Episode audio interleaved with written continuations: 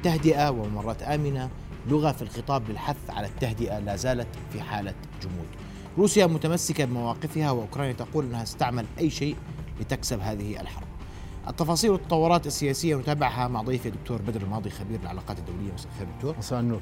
أيضا سنبحث في هذا المحور للجانب الإنساني وتحديدا الوضع الجاري الأردنية في منطقة أو مدينة سومي.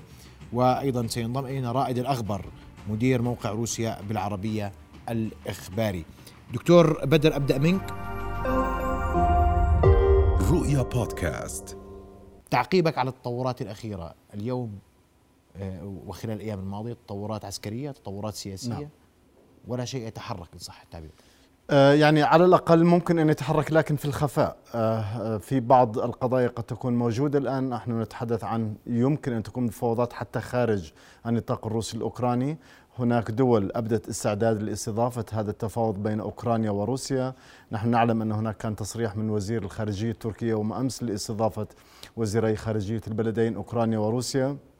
هناك محاولات قد تكون الصين من الدول التي يمكن أن تدخل على خط المفاوضات لمحاولة التهدئة آه، الغربية الروسية طبعا لتحقيق مصالح كل الأطراف، الصين لها مصلحة، روسيا لها مصلحة والغرب له مصلحة بتهدئة الأمور إلى حد ما مع اختلاف النسب، من يريد أن آه، تحدث التهدئة سريعا أو من يريدها بعد حين. آه، فلذلك نحن نتحدث أيضا عن لغة قد تكون جديدة للرئيس زيلينسكي. تكلم عن قضية مهمة جدا عندما تكلم عن أن آه، أوكرانيا لا لم تعد تبحث عن الانضمام إلى حلف الناتو. وقد تكون هذه رسالة مهمة جدا لبوتين والقيادة الروسية أن أوكرانيا تريد أن تقبل بهذا الشرط الذي وضع من قبل القيادة الروسية إضافة إلى الشروط الأخرى التي لم تتحقق.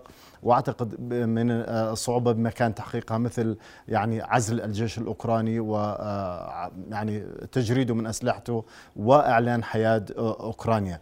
أنا أعتقد أن كل دولة عندما تبدأ بمفاوضات تضع تقريبا السقف الأعلى ولكن مع مرور الأيام سيتم التنازل عن بعض هذه السقوف.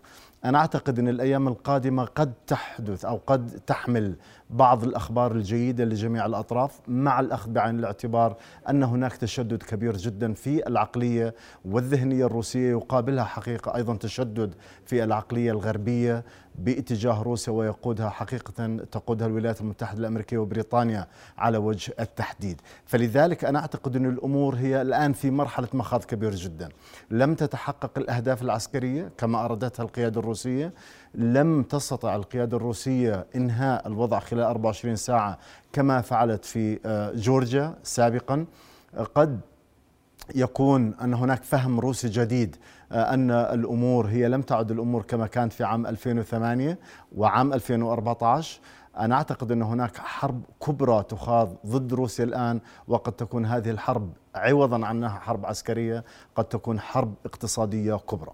طب قبل لحظات الرئيس الامريكي أعلن نعم مقاطعة. مقاطعة. نعم. الصادرات النفطية الروسية. والكل يعول على اللقاء في تركيا. صحيح. بعد يوم بعد يومين. نعم. هل تقرأ أن الأتراك قادرون على لعب دور لإنهاء الأزمة؟ آه، أنا اعتقد الطرفين نعم. كل على رايه صحيح هذا كلام صحيح لكن في قضية مهمة جدا. هي ليست تركيا الإشكالية في أنها تستطيع أو لا تستطيع. ولكن أنا أعتقد ان مجرد أن تكون تركيا هي أن تطرح نفسها آه، أن يعني تلتقي بهذه الأطراف في الأرض التركية. أنا أعتقد هذا جيد لتركيا. لكن أنا أعتقد موافقة الطرفين أنا أعتقد أنه مخرج لكلاهما. هي يعني الان تركيا توفر المخرج الآمن لكلا الطرفين سواء للأوكرانيين أو الروس، أنا أعتقد الروس بدأوا يفكروا جيدا بضرورة الخروج بمياه يعني بماء الوجه إلى حد كبير جدا، الأوكرانيين هم خاسروا كل شيء، يعني إذا بقيت المعركة هم خاسروا وإذ لم تحسم المعركة هم خاسروا في هذه المعركة. فلذلك أنا أعتقد الأوكران لا أجد عندهم مشكلة كبيرة جدا ولكن لا يريدوا أن يستسلموا لا يريدوا أن يتركوا كل شيء بيد الروس. الروس أنا أعتقد أنها فرصة جيدة لهم أن يتم اللقاء في تركيا وهذا اللقاء في تركيا لن يكون ثلاثي بمعنى أن تكون أوكرانيا وروسيا وتركيا. كل الأطراف ممثلة على هذه الطاولة. الغرب في هناك دعم كبير جدا لأوكرانيا، روسيا وبعض الحلفاء حتى وإن كانوا عن بعد. وأيضا هناك دعم لتركيا لتقوم بدور كبير جدا قد يمثل وجهة النظر الأوروبية الأمريكية في هذه الجلسة. فلذلك أنا أعتقد أن روسيا اليوم كما ذكرت أخي محمد قبل قليل عندما نتكلم عن ان الولايات المتحدة الأمريكية قررت يعني وقف استيراد النفط والغاز من آه، الولايات المتحدة الأمريكية من آه، روسيا. هذه فيها مشكلة كبيرة جدا. نعم هي مشكلة ذات وجهين. ستنعكس سلبيا على الولايات المتحدة الامريكيه وتنعكس أكثر سلبية على روسيا. روسيا اعتماد كبير جدا في اقتصادها على موضوع النفط وعلى عائدات النفط والغاز. وهذه تسبب إشكالية كبرى لقاعدة الاقتصاد في روسيا. فلذلك حتى وأن قالت روسيا أنا سأوقف ستضرر الغرب نعم سيتضرر الغرب. ولكن بالتالي هناك أثرين كبيرين جدا على روسيا. أولا لا يوجد أموال كافية لإدارة الشأن الاقتصادي الروسي. والقضية الأهم أن روسيا ستفقد بطاقة مهمة جدا في علاقتها مع الغرب والولايات المتحدة الأمريكية عندما نتكلم عن قضية الغاز باتجاه أوروبا. كان يعني كانت بطاقة سياسية مهمة جدا تلعب فيها دائما روسيا بهذا الاتجاه. أنا أعتقد أن الأمور الآن والوقت قد حان لمحاولة مفاوضات جدية بين كافة الأطراف. الروس موجودون يستطيعوا أن يسقطوا كييف بأي لحظة ولكنهم يريدوا أيضا أن لا يخرجوا وكأنهم هم فقط الخاسرون على مستوى العالم والخاسرون على المستوى الإنساني والخاسرون على المستوى العسكري، فلذلك نحن أنا أعتقد أننا آه، يعني نتوقع بعض الأشياء في الأيام القادمة قد تحدث نعم. لكافة الأطراف. آه، أرحب من موسكو مباشرة بمدير موقع روسيا بالعربية الإخباري رائد الأخبار أستاذ رائد مساء الخير. مساء الخير مساء الخير لك وضيوفك الكرام. أستاذ رائد التطورات الأخيرة تحديدا قرار الولايات المتحدة الأمريكية قبل آه، لحظات والموقف على الأرض والبعض يرى أن آه، العاشر من آذار قد يكون موعدا للخروج بماء الوجه لجميع الأطراف من هذه الأزمة، وجهة نظرك؟ يعني في الحقيقة بالفعل آه، يعني العقوبات الصارمة التي بدأت منذ بداية الأزمة تفرض على روسيا تباعا آه، وصلت اليوم إلى مرحلة يعني فرض قيود على صادرات روسيا من الطاقة وهي أهم واردات روسيا وصادراتها يعني التي تعتمد عليها بالفعل مثل ما قال الزميل. لكن أنا أريد أن أقول لك أنه قبيل الأزمة كان هناك آه، لقاء ما بين الرئيس الروسي فلاديمير بوتين ونظيره الصيني وتم توقيع آه، عقود كبيرة كبيرة جدا بأرقام عالية يعني مئات المليارات من الدولارات لتصدير النفط والغاز إلى الصين. كسوق بديلة في حال تم احتياج ذلك إذا تم الاستغناء عن عن الطاقة من روسيا. هذه من جانب، من جانب آخر روسيا دخلت إلى أوكرانيا وهي تعلم أن كل هذا سيحدث وأكثر من ذلك، لكن ما يهم روسيا بالدرجة الأولى هي هو الأمن القومي، أمن روسيا القومي. روسيا لديها استخباراتها ومعلوماتها بأن هناك تحضير لنصب صواريخ آه، يعني آه، استراتيجية في أوكرانيا ليتم تطويق روسيا وقدراتها العسكرية بالكامل في أوكرانيا وقبيل ذلك كان آه، قاب قوسين أو أدنى الأوكرانيون من الالتحاق بعضوية حلف شمال الأطلسي. روسيا استبقت الحدث وقامت بالدخول إلى أوكرانيا للسيطرة على آه، كييف والحكم في كييف. هي تريد بالفعل السيطرة على الحكم في كييف وتغيير الحكم لإيجاد آه، يعني حلفاء موالين لروسيا. لأن روسيا تعتبر أن فضائها في الاتحاد السوفيتي السابق ودول البلقيق وكذلك كل الدول المجاورة حلف وارسو وما شابه. صحيح انهار الاتحاد السوفيتي منذ زمن لكن ما زالت التحالفات موجودة والنفوذ الروسي على هذه الأرض آه، صارم ويعني آه، لا يسمح بأي تدخل مثل ما تفضل الزميل أيضا في جورجيا أو في غيرها. آه، أعلق على ما قال الزميل أنها اعتقدت أن أوكرانيا هي ستكون مثل جورجيا يعني حفلة صغيرة وتعود، لا أنا أقول لك بأن الحسابات الروسية دقيقة جدا وهم يعلمون بأن أوكرانيا تختلف جدا عن جورجيا. الروس عندما دخلوا إلى هذه المعركة حشدوا حوالي 200 ألف مقاتل وقاموا بحسابات أن آه، التحالف العالمي عندما دخل إلى العراق دخل ب 400 ألف مقاتل. ومساحة وجغرافية أوكرانيا تساوي ضعف مساحة العراق. وهذه أنا أقول معلومات يعني ليس من عندي يعني من جهات آه، من جهات آه، يعني جهات عسكرية. يعرفون بالضبط بأن يعني العملية العسكرية ليست سهلة. وأن الأوكرانيين سيكونون مدعومون من الغرب. كل شيء يعلمون. ويعلمون بأن المعركة ستدوم أكثر من ست أشهر، ست أشهر على الأقل ويمكن أكثر من ذلك. آه، بخصوص كييف، كييف لو أراد الروس أن ينهوا المعركة لانهوها بيوم واحد، السلاح الجوي الروسي سيطر على سماء أوكرانيا بالكامل. آه، لكن هناك ضحايا من المدنيين يمكن أن يسقطوا لو تم التعامل على الطريقة الأمريكية مثل ما تعامل الأمريكيين في أفغانستان وفي العراق، الروس لا يتعاملون بهذه الطرق بل يحاولون يعني ضرب المواقع العسكرية الدقيقة وأظهروا ذلك بعده بعدة فيديوهات.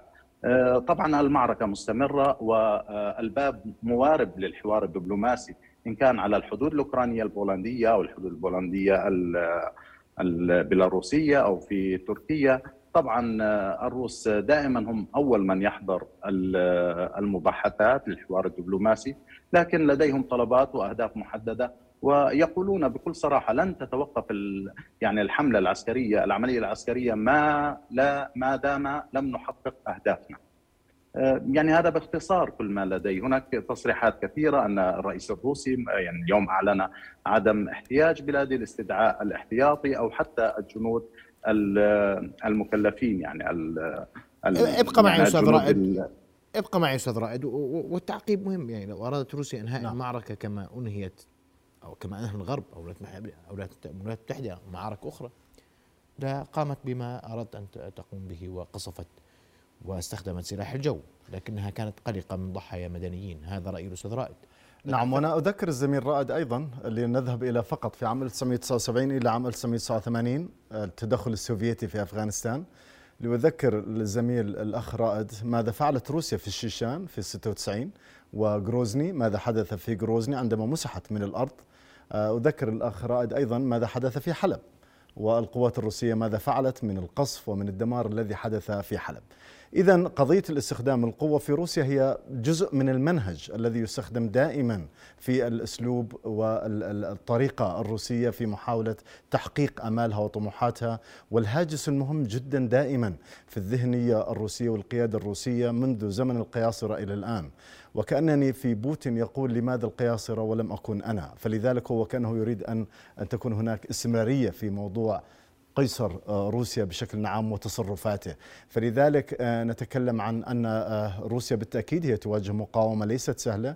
روسيا تعلم أن التسليح الذي حدث في الأيام الأخيرة وحتى قبل الحرب أيضا للأوكرانيين والجيش الأوكراني والمقاومة الأوكرانية كان بشكل كثيف وكبير جدا أسقطت كثير من الطائرات الروسية.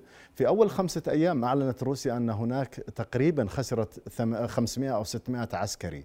وهذه أرقام القيادة الروسية. لا ندري هي حقيقة الأرقام على الأرض. الأوكران يقول أرقام مبالغ فيها بالتأكيد.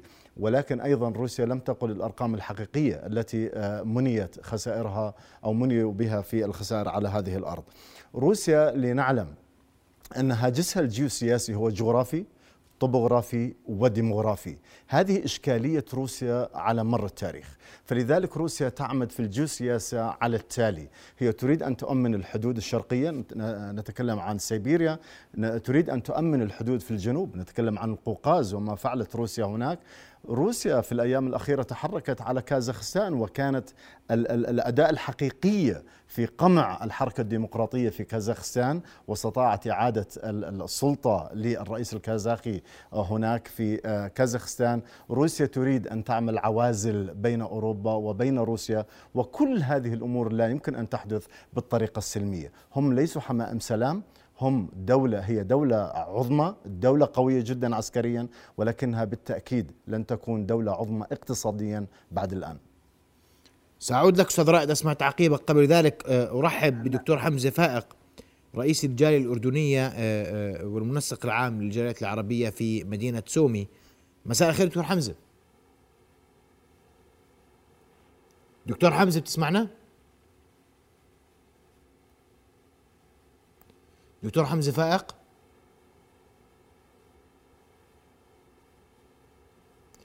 سنعود دكتور حمزة فائق للاطمئنان فقط على آه، ما آه، على الجالية الأردنية والجالية العربية في آه، سومي. أستاذ رائد سمعت حديث الدكتور بدر.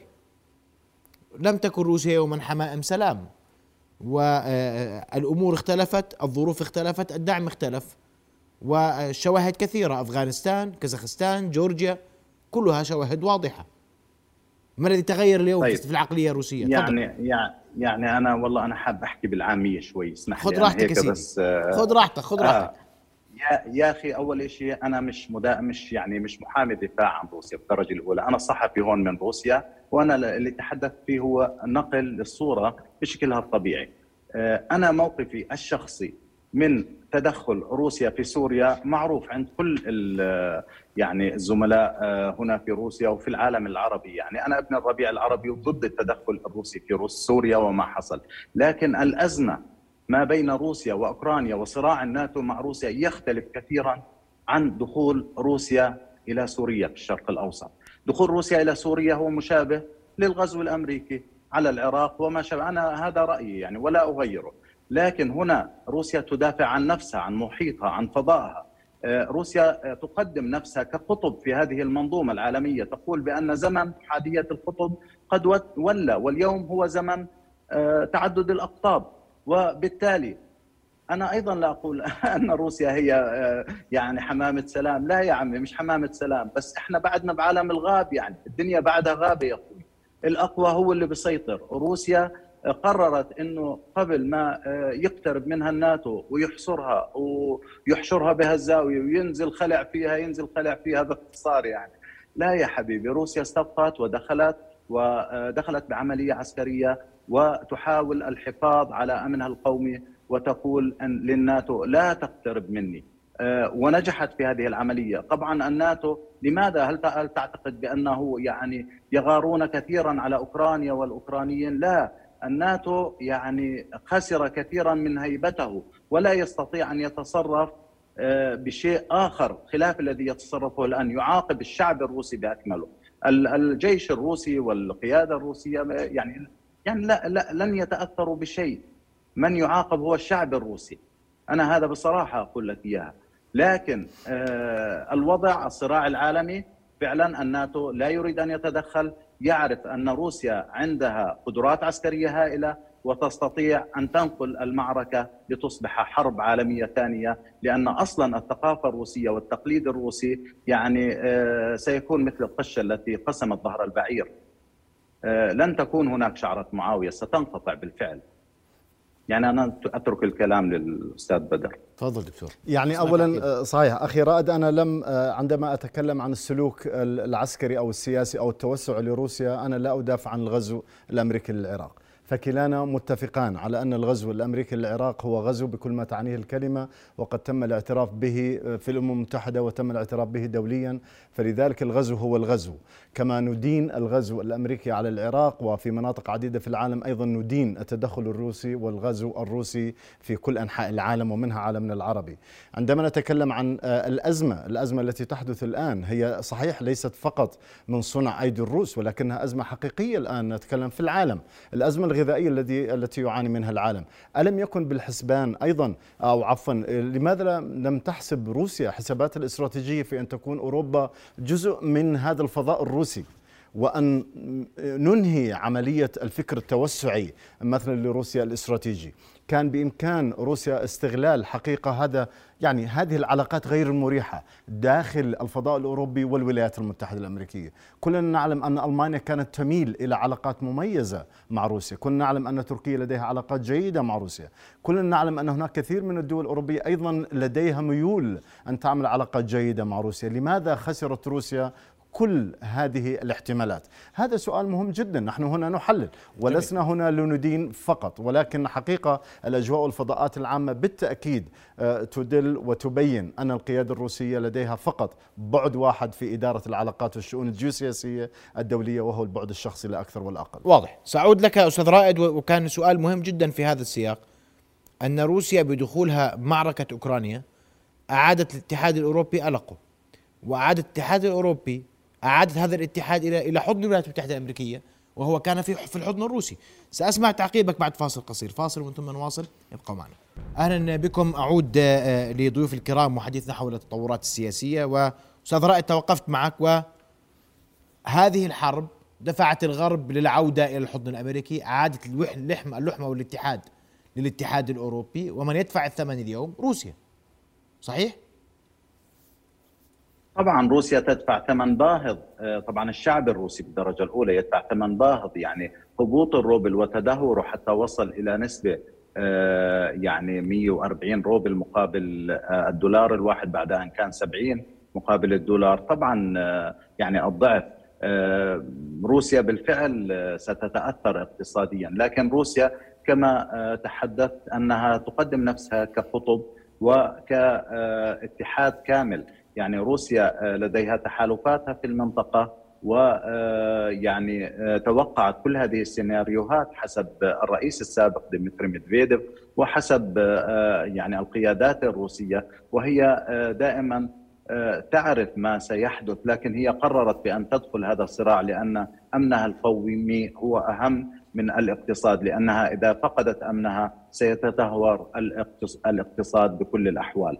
يعني آه، روسيا تعلم بأن الغرب هو آه، تابع للولايات المتحدة وبريطانيا، حتى بريطانيا استغنت عن الاتحاد الأوروبي لأنها لا ترى نفسها كعضو يروا يعني بريطانيا ترى نفسها قطب الولايات المتحدة ترى نفسها قطب وروسيا أيضا ترى نفسها قطب وهي غير معنية لتكون عضو من آه، الاتحاد الأوروبي أو من لا آه، لكن اسمح لي أستاذ رائد فرنسا ألمانيا إيطاليا دول مؤثرة في الاتحاد الأوروبي كانت تميل إلى الجانب لا. الروسي وهي اليوم تعود للحضن الأمريكي أختلف معك لم يكن يوما هناك ميول إلى الجانب الروسي، دائما هناك في حساسيه بالتعامل مع الجانب الروسي لأن روسيا هي دولة عظيمة وروسيا لها تاريخ إمبراطورية عظيمة. وطبيعي أن الصراع في المنطقة هنا بعيد يعني عن صراعاتنا في الشرق الأوسط آه، يعني منذ عام 1991 آه، بعد انهيار الاتحاد السوفيتي يعني آه، تم الاتفاق على عدم تقدم حلف شمال الأطلسي شرقا نحو روسيا وعدم التدخل وعندما انضمت آه، دول البلطيق لاتفيا وليتوانيا واستونيا آه، انضمت إلى آه، حلف الشمال الأطلسي ونصبت الصواريخ البالستية لتضرئ لتكون موجهة إلى روسيا بحجة الدرع الصاروخية الدفاعية. هي هجومية وليست دفاعية. روسيا ابتلعت هذا يعني ال ال الاتحاد الذي يقترب منها لأنها لا تستطيع. لم تكن روسيا قد عادت إلى قواها الحقيقية. آه، بعدها آه، بدأت تقترب من جورجيا وقرغيزستان وتحاول بناء قواعد عسكرية وتحاول أن تطوق روسيا لأن روسيا كل القدرات العسكرية لإرث الاتحاد السوفيتي هو آه، في قلب روسيا روسيا فقط. هي كانت قائدة الاتحاد السوفيتي. وكان الهدف من انهيار أو يعني تفكك أو تفكيك الاتحاد السوفيتي هو القضاء على روسيا بالأخص ولم يتم القضاء على روسيا وما زال الغرب يحاول القضاء على روسيا. لكن مع عودة رئيس مثل السيد فلاديمير بوتين أعاد روسيا إلى مكانتها خلال ال 20 22 سنة صار له. يعني أعاد روسيا إلى مكانتها الحقيقية وبدأ يفرض نفوذه على الأرض في فضائه السوفيتي والمحيط الكامل لروسيا. وهذا ما ما جعل يعني الغرب يمتعض وعندما آه، قاب قوسين أو أدنى من نصب صواريخ يعني على الحدود الأوكرانية، أنت تعلم إذا نصبت صواريخ على الحدود الأوكرانية يعني 500 كيلومتر تضرب الكرملين الروسي. يعني لا تحتاج إلى صواريخ استراتيجية أو أو متوسطة المدى. أظن قصيرة المدى تستطيع أن تضرب قلب الكرملين الروس دخلوا إلى أوكرانيا مرغمين لحمايه آه، آه، دولتهم وعظمتهم دعنا نقول كذلك يعني نعم. هم يرون أنفسهم دولة عظيمة واضح. ولحماية عظمتهم ونفوذهم في فضائهم الكامل أسمع تعقيبك دكتور بدر لم تكن يوم العلاقه نعم. مع الغرب علاقه علاقة توافقية. هذا رأي الأستاذ رائد. بالعكس مع كل الاحترام لأخي الأستاذ رائد. يعني نتكلم عن كما ذكرت قبل قليل يعني مشاريع كبرى بمليارات دولارات مع ألمانيا وكان هناك صراحة توجه أوروبي والسبب صراحة يعني وجد الأوروبيون أن الولايات المتحدة الأمريكية لم تعد الحليف المؤتمن وخاصة في فترة ترامب. يعني كان هناك صراحة كان في هناك بعض الململة من الأوروبيين باتجاه الولايات المتحدة الأمريكية حتى أن الرئيس الفرنسي الحالي ماكرون آه، طرح فكرة الجيش الأوروبي بعيدا عن سيطرة الولايات المتحدة الأمريكية. فلذلك بالعكس تماما يعني كانت أنا أعتقد الأوروبيون كانوا يفكروا بذهنية أن الاقتراب من روسيا سيخرجها إلى حد كبير جدا من عقلية التوسع. الاقتراب من روسيا سيخرجها من عقلية وأوهام أن السيطرة هي التي ستحقق الأمن لروسيا. وأن الاقتراب من أوروبا والاقتراب في تحالفات أساسية هي التي ستحقق الأمن المراد لروسيا. قضية العظمة هذه لا يعني قضية عظمة روسيا يجب أن تخرج من ذهنية القائد الذي لا يفكر إلا بأن تكون الدولة عظمى. الدولة يمكن أن تكون عظمى من خلال تأثيرها الإيجابي وتأثيرها السلبي ولا يمكن فقط أن تكون عظمى باحتلال الدول الأخرى ومحاولة السيطرة على الشعوب الأخرى. هذه قضية مهمة. بريطانيا كانت بيوم من الأيام عظمى. روسيا كانت بي... آه، فرنسا كانت بيوم من الأيام عظمى. كثير من الدول كانت دول عظمى ولكنها بالتالي قبلت بالواقع. والواقع لم ينتقص من حقوق هذه الدول بأن تكون دول مؤثرة آه، حول العالم. المستغرب أن يقال أن الروس والقيادة الروسية كانت تعلم بما سيجري عندما تدخل أوكرانيا، وهذه الضرب حقيقة لكل نظريات الواقعية السياسية ونظرية صنع القرار، والسبب إذا كنت تعلم أن هذا ما سيحدث هذه غلطة استراتيجية كبرى، لأن ذلك يعني أن هناك حصار اقتصادي، هذا الحصار الاقتصادي سيقود إلى تدمير عقلية وذهنية التوسع وعقلية الدولة العظمى والكبرى. وستعيد الاتحاد السوفيتي إلى آه، روسيا إلى واقع الاتحاد السوفيتي في الثمانينات والسبعينات. وهذه لا أعتقد أن الشعب الروسي بحاجتها الآن. ولذلك نرى ردة الفعل الروسية الكبرى إذا سمح للشعب الروسي أن يعبر عن حقيقة ما صراحة يجري الآن بين روسيا وأوكرانيا أنا أعتقد أنه سنرى مئات الآلاف من آه، الشعب الروسي وهو في الشوارع من أجل انتقاد مثل هذا القرار. وكما تعلم أخي العزيز الآن باعتراف السلطات الروسية أكثر من خمسة آلاف روسي تم احتجازهم بسبب خروجهم إلى الشارع وهم آه، تقريبا ضد هذا التدخل الروسي في أوكرانيا. واضح. أسمع تعقيبك أستاذ رائد. يعني 5000 آه، روسيا نتكلم عن رقم من 100 مليون نسمة في روسيا الاتحادية أنا أريد أن أقول لك بأن آه، يعني معظم آه، متوسطي العمر وكبار السن في روسيا يريدون العودة إلى عهد الاتحاد السوفيتي، يريدون أن يكونوا أن يكونوا دولة عظيمة كما كانوا سابقا.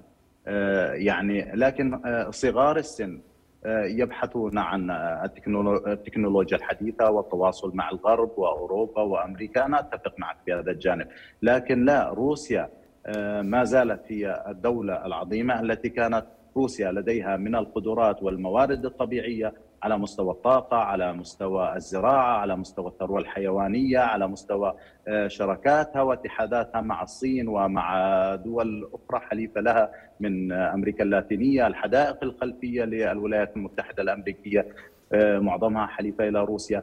آه، روسيا هي كيان مع مجموعة البريكس، روسيا تعمل على بناء منظومات يعني هناك منظومة F SFPS هذه المنظومة مقابلة لمنظومة سويفت للتعامل بين روسيا والدول الحليفة. آه، روسيا تعمل لتكون يعني كيان كامل آه، بعيد عن الحاجة إلى الولايات المتحدة وما تقدمه من comfort يعني من الراحة، يعني معظم الشركات بالفعل بدأت إغلاق محلاتها وشركاتها ومخازنها. كيا وسيارات المرسيدس والبي إم بي والشركات الأوروبية كله بدأ وحتى كوريا الجنوبية كلهم بدأوا يسحبوا آه، شركاتهم ومنتجاتهم من الأسواق الروسية وأغلاقها وبدأت البطالة بالفعل في روسيا، هناك تأثير حقيقي على الشارع على جيب المواطن الروسي، هناك آه، يعني آه، يعني شعور حقيقي بأن روسيا يمكن أن تعود إلى عهد الاتحاد السوفيتي. لكن الروس يقولون بأنهم عاشوا في زمن الاتحاد السوفيتي لكنهم عاشوا مرفوعي الكرامة رأسهم مرفوعة آه، عندهم كرامة كبيرة. آه، أنا أقول لك بأن الشعب الروسي نسبة كبيرة من الشعب الروسي فخور بما يفعله رئيسهم. آه، وأنا أنقل لك صورة الشعر الحقيقية. ممكن أن يكون هناك نسب كبيرة لا تريد هذا يعني 50 5000 ممكن يعني ممكن ملايين يريدون يريدون ولم يخرجوا إلى الشارع. لكن أنا أقول لك بأن معظم شريحة كبيرة من الشارع الروسي تريد أن تحفظ كرامتها وأن لا يكونوا أتباع لأوروبا. أو للغرب بشكل عام واضح أستاذ دكتور بدر دكتور بدر اسمع تعقيبه يعني من أهم الأشياء التي يجب التركيز عليها عندما نتكلم عن أن الشباب والشباب هم عماد مستقبل الدول وأنا أعتقد دكتور أو الأستاذ رائد آه، قد يعني لمح إلى ذلك أن الشباب لا يريدون التدخل الروسي في أوكرانيا وهذه قضية مهمة جدا ولا بد من اخذ الاعتبار أو بعين الاعتبار. القضية الأخرى عندما نتكلم عن البريكزت أو البريكس آه، بشكل عام وخاصة عندما نتكلم عن الصين أخي رائد أنت تعلم أن الصين لم يكن موقفها بالموقف الجبار. باتجاه روسيا ولم تمثل حقيقة ثقل أساسي لمنع الولايات المتحدة الأمريكية والغرب من التصرف بما يتصرفون آه، به الآن. التحالفات الروسية التي كانت تعتمد عليها أنا لا أعتقد أنها قد آتت آه، أو أتت آه، ثمارها وأكلها بالنسبة للروس. فلذلك أنا أعتقد هناك مشكلة كبيرة جدا يجب الاعتراف بها. هذا ليس انتقاصا من تاريخ روسيا أو الاتحاد السوفيتي السابق أو أيا كان ولكن نحن نتكلم بواقعية. الواقعية كان على روسيا دائما أن تحتفظ بهذه العلاقات السلمية العلاقات الجيدة مع الجميع وعليها أن تنتبه أيضا لفكر شبابها في المستقبل والذي لا يريد عقلية التوسع مرة أخرى. أستاذ رائد عندك تعقيب بأقل من دقيقة أرجو. آه, آه، بأقل من دقيقة. يمكن فضل. الاعتراف إذا انهزمت روسيا في المعركة أمام الغرب في أوكرانيا لكن المعركة ما زالت في يعني على الميدان والمعارك دائرة وروسيا ترى بأنها قادرة على إنهاء المعركة لصالحها وتتحدى الغرب وتتحدى حلف شمال الأطلسي باكمله وتهدد بإغلاق جميع السفارات الغربية في روسيا. نعم. اشكرك كل الشكر أستاذ رائد الاغبر مدير موقع روسيا بالعربية الإخباري كنت معنا مباشرة من موسكو وأيضا أشكر ضيفي الدكتور بدر الماضي خبير العلاقات الدولية شكرا جزيلا لك رؤيا بودكاست